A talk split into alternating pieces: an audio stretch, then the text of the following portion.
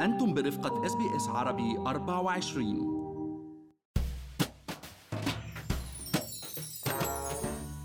إذا بتقبضوا 180 ألف دولار سنويا بأستراليا هل بتعتبروا من الأغنياء؟ برأي رئيس الوزراء سكوت موريسون مش دايما اللي بيقبض هالمبلغ بيصنف من الأغنياء لأنه اعتبر أنه العاملين بقطاع التعدين بأستراليا واللي تعتبر طبيعة أشغالهم صعبة وفيها الكثير من أيام الغياب عن أسرهم وبيوتهم ما بيعتبروا من الأغنياء وبيستاهلوا يحصلوا على اقتطاعات ضريبية أعلى حديث موريسون كان بسياق دفاعه عن خطة حكومته لتقليص نسبة الضريبة على البراكت الأعلى أي ما فوق ال 180 ألف من ال 45% ل 32.5% بحلول عام 2024 طبعا هذا الموضوع أثار الكثير من الجدل بالأوساط الأسترالية وخاصة أنه الأرقام بتظهر أنه جزء صغير فقط من الأستراليين بيحصلوا على هذا الرقم كمدخول سنوي.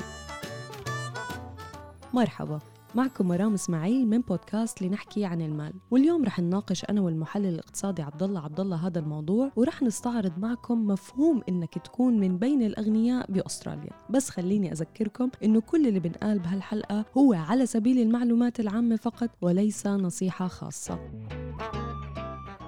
عبد الله ال 180 ألف دولار دخل سنوي حلم لكتار من الأستراليين. حلم مزبوط مرام آه، أكيد هذا رقم كبير. وخاصة للموظفين. هلأ يمكن أصحاب الأعمال الحرة والشركات والتجارة قادرين اليوم يوصلوا لهذا المستوى من المدخول ولكن الأغلبية العظمى من الأستراليين اليوم تقبض أقل من هذا الرقم بكتير. وهذا الفارق بالمداخيل والثروات مرام يلي عم بيتسع زيادة سنة عن سنة. آه، يعني مش بس بأستراليا ولكن هذا الموضوع كمان مشكلة عالمية. بيحظى باهتمام آه، منظمات اقتصادية عالمية لأنه آه، أثاره كبيرة على المدى البعيد. لأنه بالآخر دايما مرام الاستقرار الاقتصادي والنمو المستدام يلي بيسعى له أي بلد وأي اقتصاد. أساسه الحفاظ على الطبقة المتوسطة ويعني آه، ردم أي هوة كبيرة ممكن تحصل بين فئات المجتمع المختلفة. بأستراليا معروف إنه العاملين بالمدن الكبرى مثل سيدني وملبن بيحصلوا على أجور أعلى من غير مناطق وأظهرت إحصاءات مركز الإحصاءات الأسترالي عبد الله إنه 10%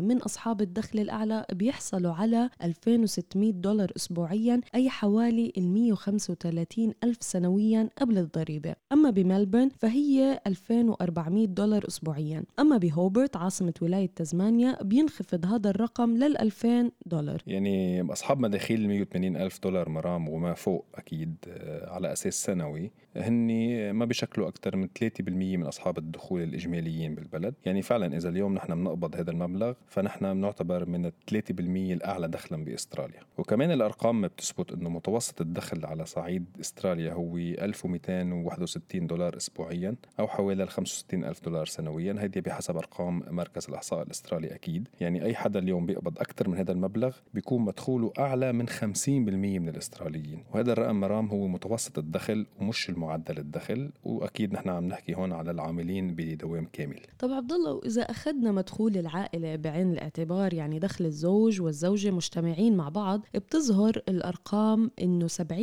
من العائلات بأستراليا ما بيتعدى مجموع مدخولهم ال 180 ألف دولار سنويا. مزبوط. وسكان سيدني اليوم يلي يعتبروا من أصحاب الدخول الأعلى بين المدن الأسترالية الأخرى فبيوصل مجموع دخل العائلة الوحدة الهاوس هولد لل 10% الأعلى يعني بسيدني حوالي 220 ألف دولار وما فوق. يعني آه، مرام نحن هلأ بهالأرقام فينا نستنتج أنه أصحاب مداخيل 180 ألف دولار يعتبروا من الأغنياء بالبلد؟ هلأ خلينا ننتظر شوي نستنى لآخر الحلقة لنشوف عبد الله ولكن فعلا أرقام مهمة نعرفها لأنه يمكن في معتقد سائد عند البعض يعني ومنفكر إنه الأغلبية بأستراليا مدخولهم أكثر من مئة ألف دولار سنويا. ويمكن هذا الإشي بشكل عامل ضغط لكتار من الناس وبيتأثروا بشكل سلبي من جراء هذا الإشي. مزبوط. ونحن إذا بدنا نعرف الثراء نقدر نجاوب على السؤال مرام. الثراء المادي أكيد يعني. آه، ما بيقتصر بس على المدخول بل أيضا تدخل فيه حسابات ثروة. وهون الأرقام تختلف شوي لأن لأنه بحسابات الثروة مرام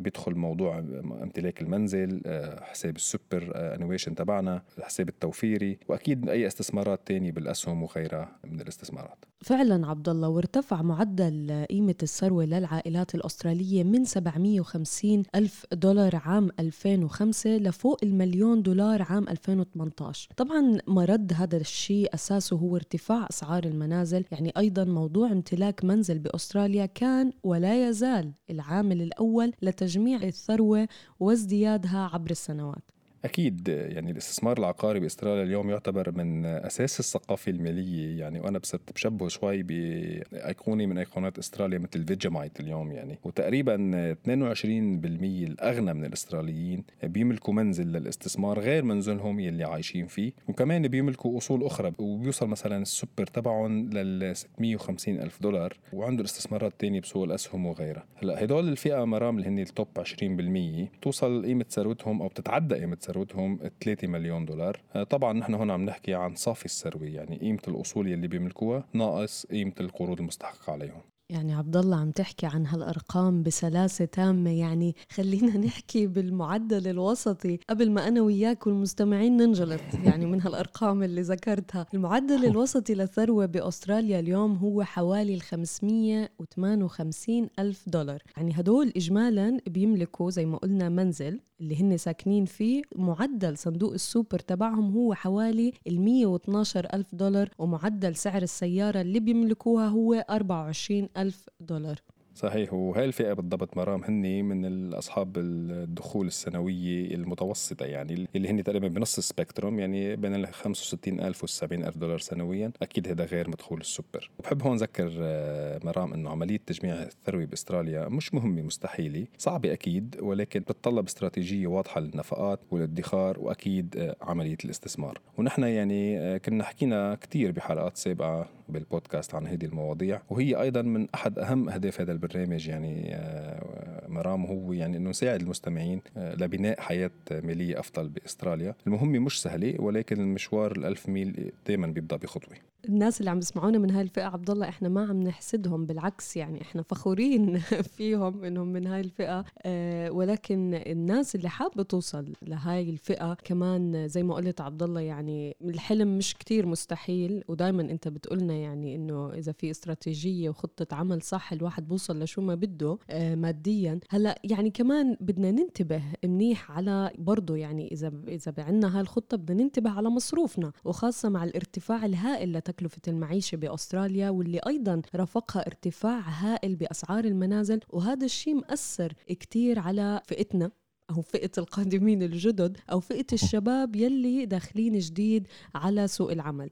وهذا فعلا يعني تحدي كبير اليوم أمام ال policy maker واضعي السياسات بأستراليا. لأن فعلا القدرة على امتلاك منزل عم تتقلص يوم عن يوم آه، لدى فئة الشباب آه، وخاصة جيل الألفية ال millennials واللي صارت مهمتهم عن جد عن جد صعبة آه، من دون مساعدة أهلهم. وهون يمكن نحن هي من إيجابيات القيم يلي نتحلى فيها كجاليه عربية ونتميز فيها عن فئات كثير أخرى بالمجتمع الأسترالي. مرام وهي إنه نحن مساعدة أهالينا لنا وإحساسهم دائم بالمسؤولية تجاهنا برافقهم ومشان هيك يمكن مهمتنا عم بتكون نوعا ما أسهل من غير فئات بالمجتمع آه، وبنوجه تحية لكل الأهالي اليوم اللي عم بيسمعونا. صحيح عبد الله بنوجه لهم تحية. وكنا شفنا كمان عبد الله يعني الحكومة الأسترالية بالفترة الماضية بالميزانية الأخيرة دعمت شراء المنزل الأول عبر تغطية القرض وتوفير مبلغ التأمين على القرض اللي هو معروف بال LMI وأيضا كان يعني كمان سمحت باستعمال مبلغ 30 ألف دولار من صندوق السوبر كدفعة أولى. ولكن يمكن لا زالت هاي الإجراءات غير كافية.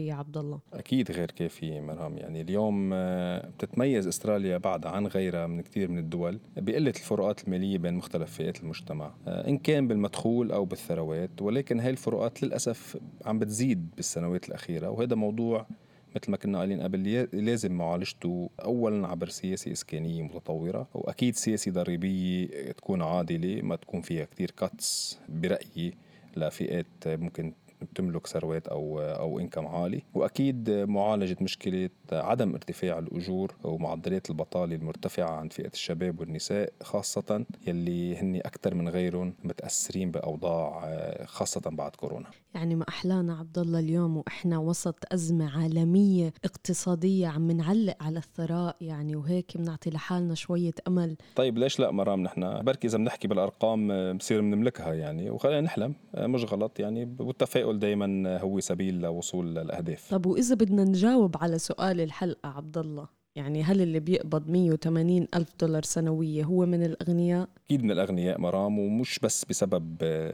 الدخل السنوي بل أيضا لأنه هذا الدخل بيسمح له يبني آه، ثروة عبر الاستثمارات آه، بالقطاع العقاري والسوبر وغيرها من الاستثمارات أكثر بكثير من غيره. ونحن دائما بالآخر بنتمنى لكل المستمعين مرام يحصلوا على فرصة العمل يلي بيستهلوها بالأجر يلي بيستحقوه ويقدروا من خلالها آه، يدخلوا باستثمارات بتخليهم يصيروا من أغنى أغنياء البلد. ونحن دائما بنحيي كل المبادرين بجهدهم وتعبهم. وفعلا آه، يلي بيخططوا صح للمستقبل دائما بيوصلوا وهذا البلد ما بنختلف يعني إنه في كثير من الفرص يلي لازم نقدر نستفيد منها. أكيد عبد الله يعني بس توصل لأنت مرحلة الثراء الفاحش يا ريت ما تنسانا. يعني أنا عارفة إنه أنت عندك جول ودائما dedicated ما تنسانا.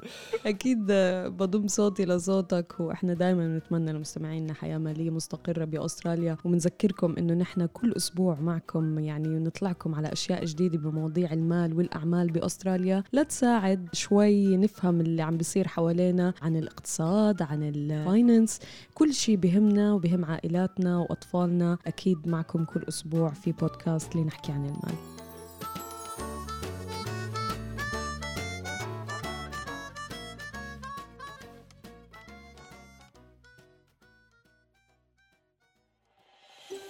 هل تريدون الاستماع إلى المزيد من هذه القصص؟